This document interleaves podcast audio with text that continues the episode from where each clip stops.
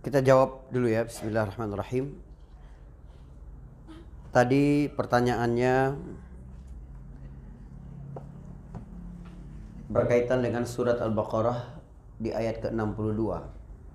Jika disebutkan bahwa di dalam surat Ali Imran tadi, "Wa man yabtaghi ghairal Islam dinan falan yuqbala min." Siapa yang mencari selain Islam sebagai agama maka dia tidak akan diterima nanti di akhirat.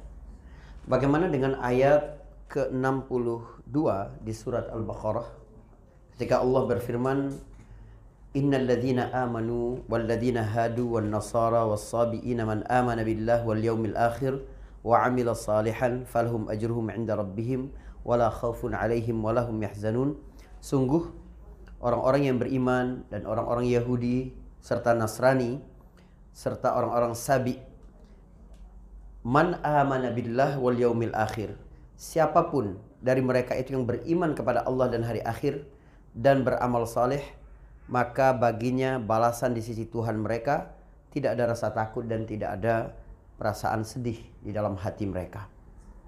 Pertama-tama saya ingin sampaikan bahwa agama yang dibawa oleh seluruh nabi itu adalah agama Islam. Mulai dari Nabi Adam sampai Nabi Muhammad, agamanya itu Islam semua. Adapun istilah Yahudi itu mengacu kepada ayah mereka.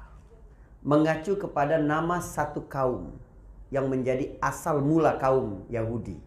Namun agama yang dibawa oleh Ibrahim, dibawa oleh Musa, dibawa oleh Harun, dibawa oleh nabi-nabi bangsa Yahudi. Perhatikan, bangsa Yahudi itu adalah agama Islam juga.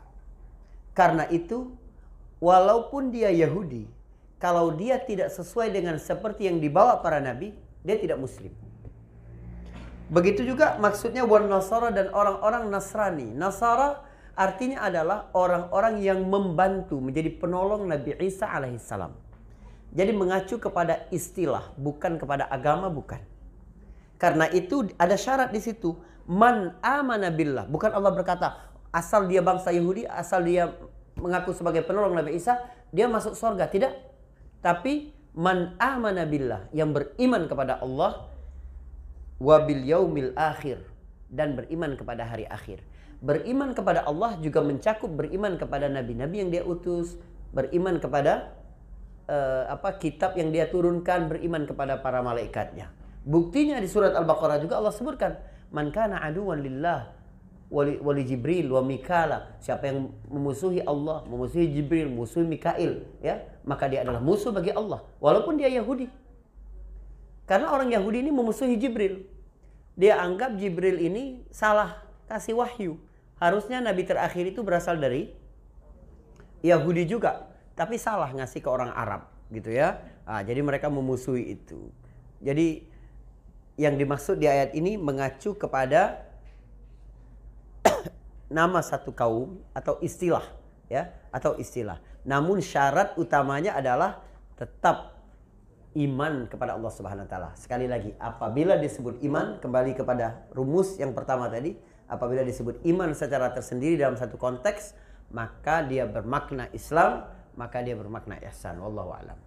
Baik. Yang lain silakan. Baik. Baik, baik, baik. Assalamualaikum warahmatullahi wabarakatuh. Waalaikumsalam warahmatullahi Terima wabarakatuh. kasih sudah diberikan kesempatan Pak Ustaz. Semoga Ustaz Baik. selalu diberikan kesehatan agar mampu Amin. ilmunya kepada kita semuanya. Amin insyaallah. Sebelum apa yang tadi disampaikan oleh Ustadz, tadi sempat ada pernyataan di mana jangan terlalu mendewakan akal dan yakin percaya sama Allah. Baik, baik. Jadi pada dasarnya kita sebagai makhluk ini Pak Ustadz eh, pada dasarnya kita se- dalam mencapai sesuatu hal itu kan harus namanya berusaha Ya, dan berusaha semaksimal mungkin Baik. semuanya itu menggunakan akal kita. baik, baik. Saat kita tidak mencapai apa yang kita inginkan, pasti ada rasa kecewa di dalam diri kita. Baik, betul. Sebelum kita berprasangka baik, apa yang tidak kita capai ini Baik. merupakan kehendak Allah SWT. Baik. Nah, dalam prosesnya tersebut, kalau kita tidak terlalu pertama kalau kita kecewa dengan apa yang kita usahakan ternyata gagal, Baik. apakah kita termasuk ingkar ataupun Baik. seperti apa? Baik. Dan bagaimana tips and triknya biar biar kita selalu positif Ya. dalam melakukan sesuatu hal Baik, baik. dalam berusaha tersebut. Masya Allah. Baik, baik. Bagus sekali. Terima kasih. Assalamualaikum warahmatullahi wabarakatuh. Waalaikumsalam. Ya, masya Allah, baik sekali. Pertama, kenapa kita tidak bisa mendewakan akal? Kenapa? Karena akal adalah kerja bagi otak, ya enggak? Kerja bagi otak. Otak adalah bagian dari organ tubuh manusia. Karena dia adalah bagian dari organ tubuh manusia, maka kerjanya terbatas. Sebagaimana lambung kemampuannya terbatas. Iya kan? Jantung kemampuannya terbatas. Kalau melebihi batas mati manusia. Jantung bekerja melebihi batas kemampuannya akan menyebabkan kematian. Lambung juga begitu. Begitu juga otak. Begitu juga ginjal. Begitu juga tangan, telinga, mata. Pokoknya seluruh bagian dari organ tubuh manusia memiliki satu sifat yang paling menonjol yaitu kemampuannya terbatas. Kalau kita percaya bahwa kemampuan mata terbatas, kemampuan tangan terbatas, kemampuan telinga terbatas, kemampuan jantung terbatas, kenapa kita tidak percaya kemampuan akal itu terbatas? Bayangkan ada manusia yang ingin menandingi kemampuan Allah yang tidak terbatas. Allah menurunkan ayat-ayat memberitahu tentang sesuatu, ah dicoba, dicerna, akal dia menerima apa tidak? Kalau nggak terima, berarti ayat ini sudah tidak relevan lagi. Berarti ayat ini sudah tidak berlaku lagi untuk zaman sekarang. Subhanallah, membandingkan sesuatu yang tanpa batas dengan sesuatu yang sangat terbatas. Coba orang ini gila apa-apa? Saya bilang ke teman-teman sekalian, di balik tembok ini, di balik tembok ini tidak ada nyamuk. Kira-kira teman-teman bilang apa sih? Sotoy ya? Karena kemampuan mata saya dibatasi oleh tembok. Atau saya berkata, sekarang nggak ada suara azan di seluruh dunia ini nggak ada. Saya bilang pasti nggak ada. Apa kira-kira teman bilang apa? Ya, karena kemampuan telinga saya terbatas. Sementara kita tahu betul, ya di sekarang ada banyak negara yang sedang azan subuh sekarang. Jam segini ini. Banyak sekali. Tapi karena saya tidak dengar, saya bilang tidak ada. Tidak bisa. Begitu juga akal. Tempatkan akalmu seperti engkau menempatkan matamu, telingamu, jantung, ginjal seperti itu. Baik. Lalu bagaimana? Kita disuruh, diperintahkan untuk memaksimalkan seluruh kerja organ tubuh ini agar kita bisa berusaha, bisa sukses, bisa apa. Tapi di lain sisi kita tetap mengandalkan Allah Subhanahu wa taala. Baik. Ini tentang berbagi wilayah antara engkau dan Allah Subhanahu wa taala. Dan ini guna keimanan. Biar engkau tidak merasa bahwa segala sesuatu itu ada di atas pundakmu. Orang kalau belum kenal Allah Subhanahu wa taala akan berat sekali kehidupannya. Kenapa? Karena dia mem, mencoba menanggung semua beban kehidupan. Tidak. Berbagilah dengan Allah Subhanahu wa taala. Ada bagianmu, ada bagian Allah. Di mana bagianmu, di mana bagian Allah? Bagianmu adalah proses, bagian Allah adalah hasil. Baik. Mari kita bicara.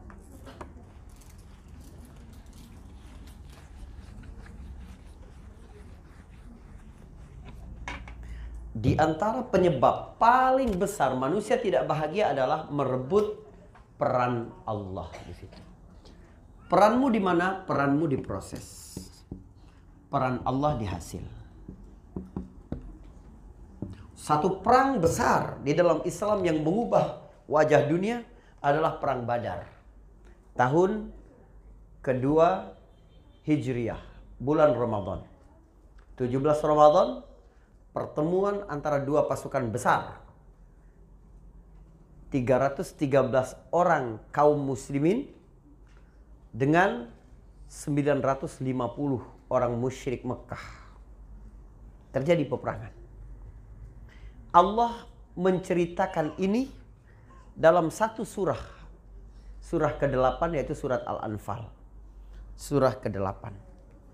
Di surah ke-8 ketika Allah berbicara tentang perang Badar ini unik sekali di satu ayat Allah bercerita agar kita memaksimalkan proses. Ayat 60. Coba buka ayat 60. Wa a'iddu lahum mastata'tum min quwwah wa min ribatil khairi turhibuna bihim aduwallah wa aduwakum. Terjemahannya ayat 60 tolong dibacakan. Dan persiapkanlah. dan persiapkan dan Oke. persiapkanlah dengan segala kemampuan untuk menghadapi mereka dengan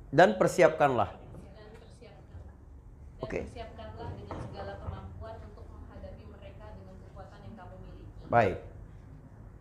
dan dari pasukan berkuda yang dapat menggentarkan musuh Allah Baik. dan orang-orang selain mereka yang kamu tidak mengetahuinya tapi Allah mengetahuinya apa saja yang kamu infakkan di jalan Allah niscaya akan dibalas dengan cukup kepadamu dan kamu tidak akan dizalimi Baik. Baik. Jadi ada dua pasukan. Pasukan kaum muslimin dan pasukan musuh.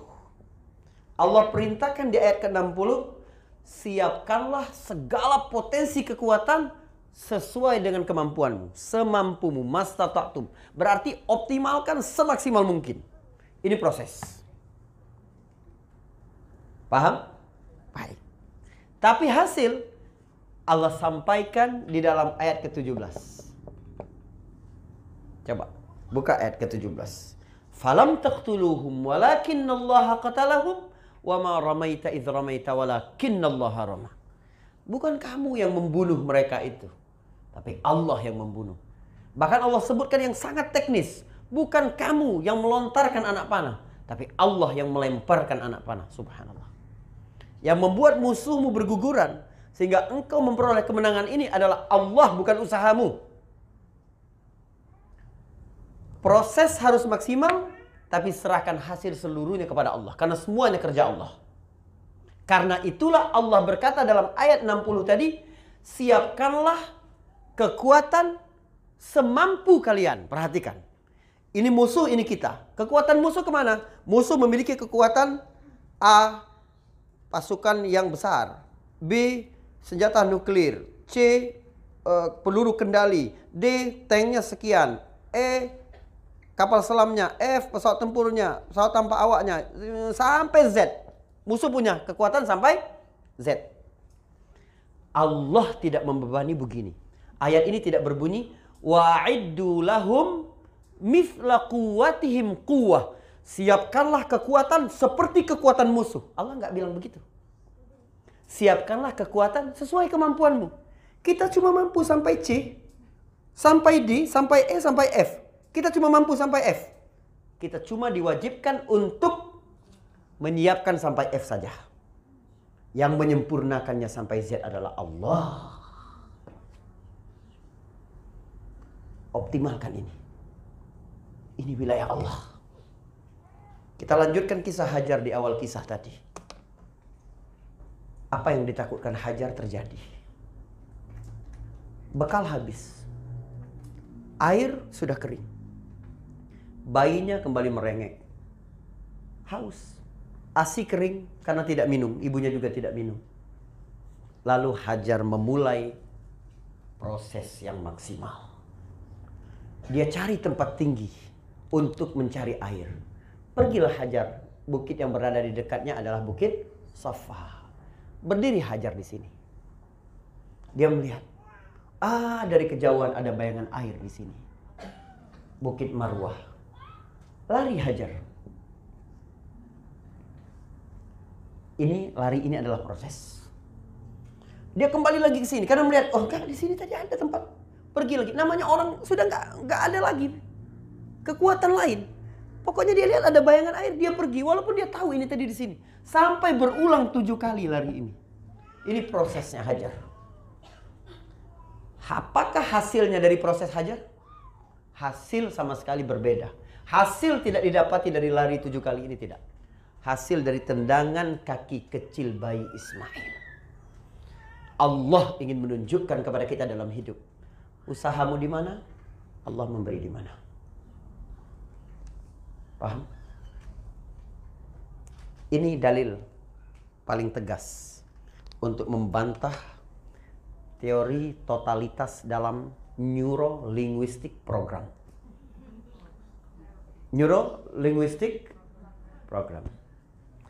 Ya, kalau kita berkehendak, alam akan berserikat membantu kita. Wis, nggak ada itu. Ya, tidak ada itu. Ya, Eh, saya tahu lah anda di kantor diajarin begituan, makanya saya bilang. Baik. Jadi proses di mana, hasil di mana. Manusia tidak bahagia karena dia mencampuri wilayah hasil. Dia mencampuri wilayah hasil. Jangan campur, jangan mencampuri wilayah Allah deh. Gak mampu kita, ya enggak. Saya paling sering kasih misal itu, ya teman-teman cewek ini, jemur pakaian, ya. Lalu jam 8 jemur pakaian, jam 10 jam 11 pergi ke warung beli sayur. Lagi di warung hujan turun. Ya, hujan lagi, jemuran baru mau kering ya enggak? Kenapa? Susah kenapa? Karena kamu mencampuri kerja Allah. Menurunkan hujan itu pekerjaan Allah, bukan pekerjaanmu, bukan. Pengerjaanmu sangat ringan, ngangkat jemuran. Udah, itu aja. Ya? Baik. Baik. Nah, ini ini ini wilayah. Jadi kita maksimalkan di proses. Kenapa? Karena itu kewajiban kita. Di dalam proses, di dalam proses ada hukum sebab akibat. Itu wilayah manusia. Tapi kalau Allah memberi hasil, tidak harus ada sebab akibat. Gak harus. Nanti kita bicara tentang bagaimana memahami takdir. Ini menenangkan hati kita semua. Menenangkan hati kita. ya Sampai kita meletakkan semua. Prasangka baik kita kepada Allah yang maha bijaksana yang telah mengatur segalanya dengan sangat lembut dan terperinci. Insya Allah. Baik. Yang lain silakan.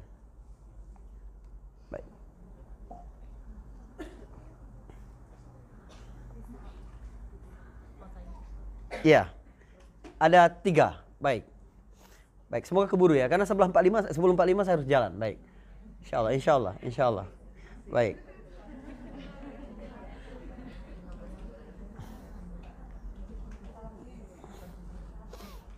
Waalaikumsalam warahmatullahi wabarakatuh. Mic-nya mana mic-nya?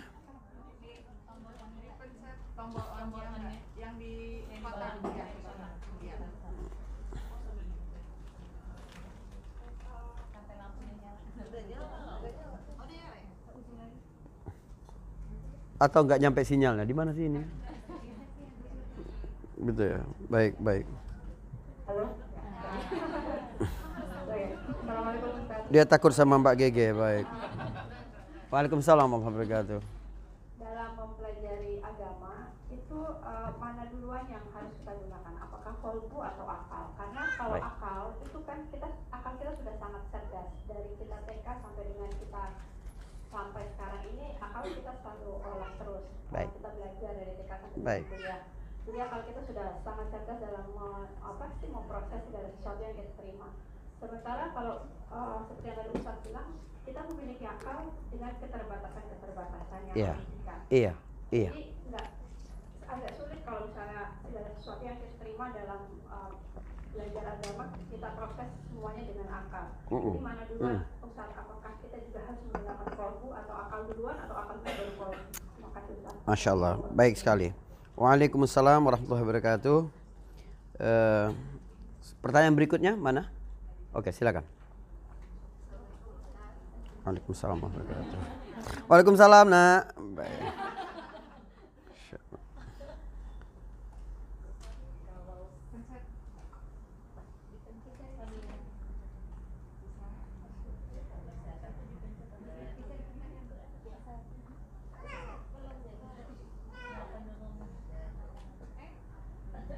Oke, oke, coba. Insya Allah dengar.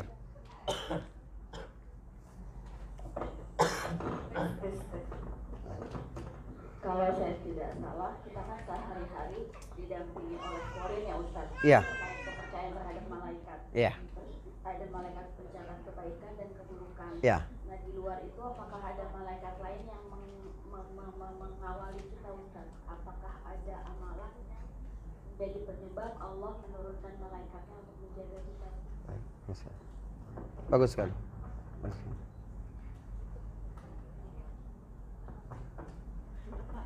Yang depan satu lagi. Baik. Iya. Assalamualaikum warahmatullahi wabarakatuh.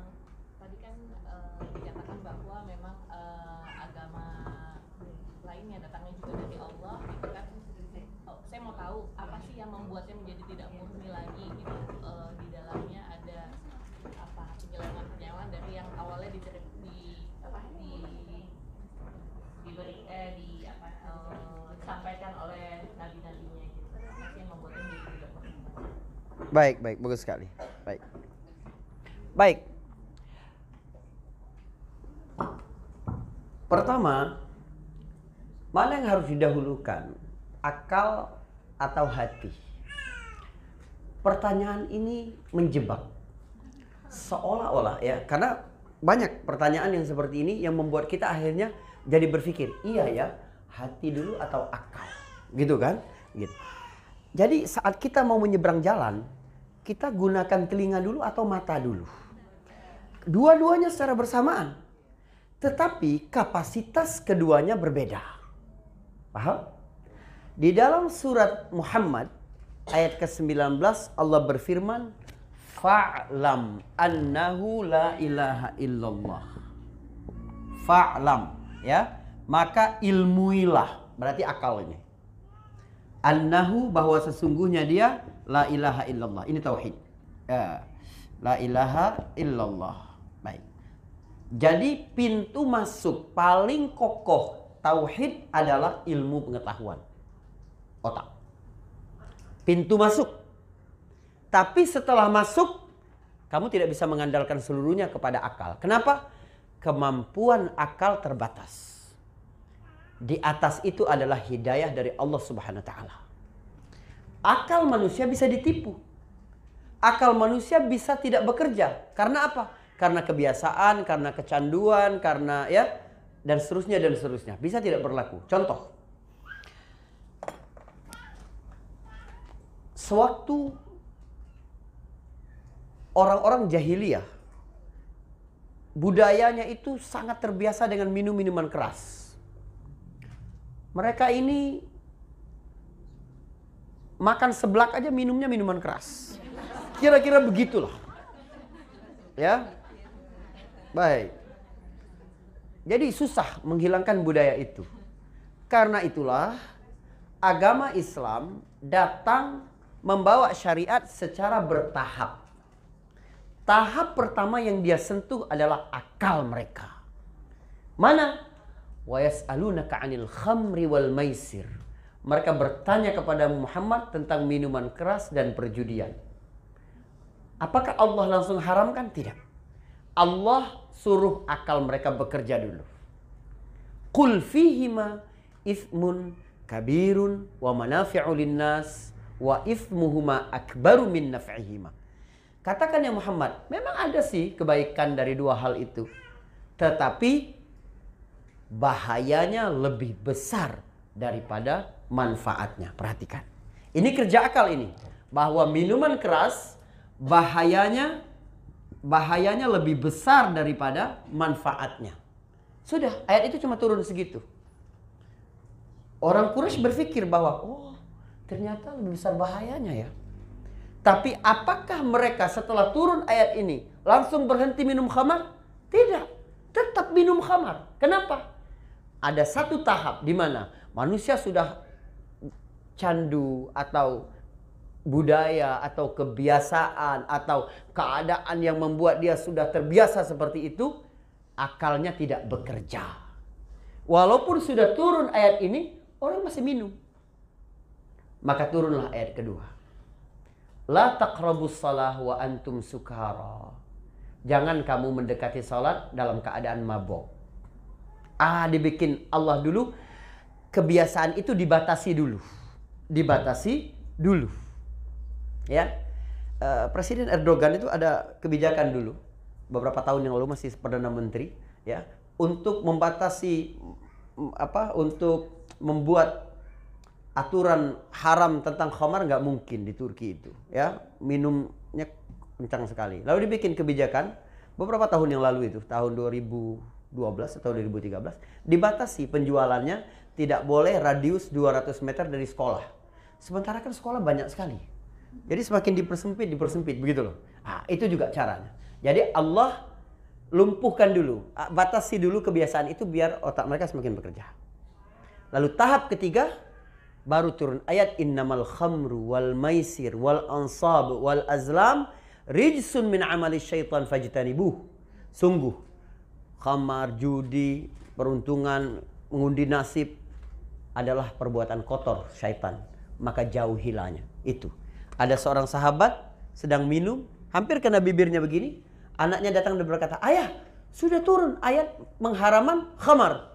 Langsung dia buang itu, dia pecahkan kendi-kendi yang menyimpan khamar itu. Begitu juga yang dilakukan oleh seluruh penduduk Madinah. Hati mereka sudah disentuh oleh keimanan. Hati pada saat tertentu lebih kuat daripada akal. Tapi pintu masuknya tetap akal. Tapi kalau akal sudah tidak bekerja, ah ini wilayah hati. Orang ngerokok sambil buka bungkusnya sambil baca peringatan pemerintah merokok dapat membunuhmu. Apa yang lebih seram dari itu apa coba? Ya, kenapa orang lari dari harimau, lari dari ular, lari dari orang gila bawa pisau? Kenapa? Karena takut dibunuh. Eh, tapi ini dia yang buka. Kenapa? Akal nggak bekerja. Pada saat sudah candu, udah kebiasaan, udah kebudayaan, ah saat itu meningkat kepada akal. Namun gerbang utamanya adalah akal. Baik. Lalu apa lagi tadi? Tentang apa yang kedua tadi? Akarin, baik. Di kelas Iman Pet ada aturan dilarang spoiler. Kita akan bicara ini tentang alam malaikat ini menarik ini, ya. Jauh di luar bayangan kita ini, ya. Tapi baiklah, saya bocorin dikit. Ya, baik. Jadi ketika syaitan telah mengistiharkan, mengumumkan peperangan kepada manusia bahwa dia akan menggoda anak-anak Adam, maka Allah membuat satu penjagaan bagi anak Adam itu adalah qarin. Itu ada ada ada malaikat yang menjaganya, mohon maaf, ada malaikat yang menjaganya. Qarin itu istilah untuk syaitan yang menyertai manusia. Semuanya mengajak kepada keburukan. Kecuali qarinnya Nabi Muhammad, dia masuk Islam. Gitu. Kamu nggak bisa bikin qarin kamu masuk Islam ya. gitu. Tapi Allah ciptakan ada malaikat yang menjagamu. Berapa orang? 10 orang siang, 10 orang malam. Namanya malaikat hafazah. Malaikat hafazah ini ganti sif pada saat matahari terbenam dan sholat subuh. Jadi ketika matahari terbenam, shift siang naik ke atas, shift malam turun.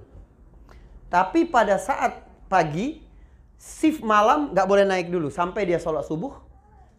Kemudian shift paginya, eh, shift pagi sudah turun, tapi shift malam belum naik. Jadi sholat subuh itu satu-satunya sholat yang disaksikan oleh 20 malaikat hafazah kita. Karena itu memang dia berat banget bagi orang munafik.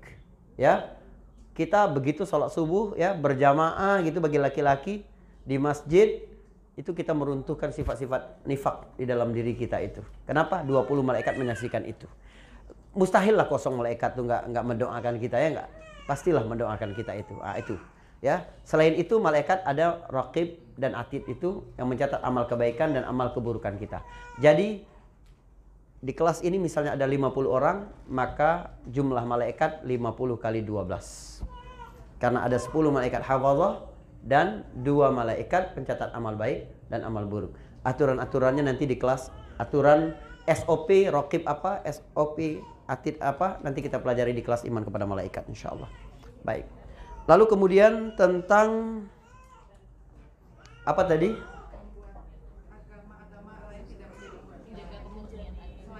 Oh baik, baik, baik, baik. Eh, saya tambahkan sedikit yang yang tentang malaikat tadi bahwa itu begini, Allah Subhanahu wa taala di antara bentuk hikmahnya agar kita mudah dalam memahami syariatnya, Allah ciptakanlah hal-hal yang mudah diterima oleh nalar manusia.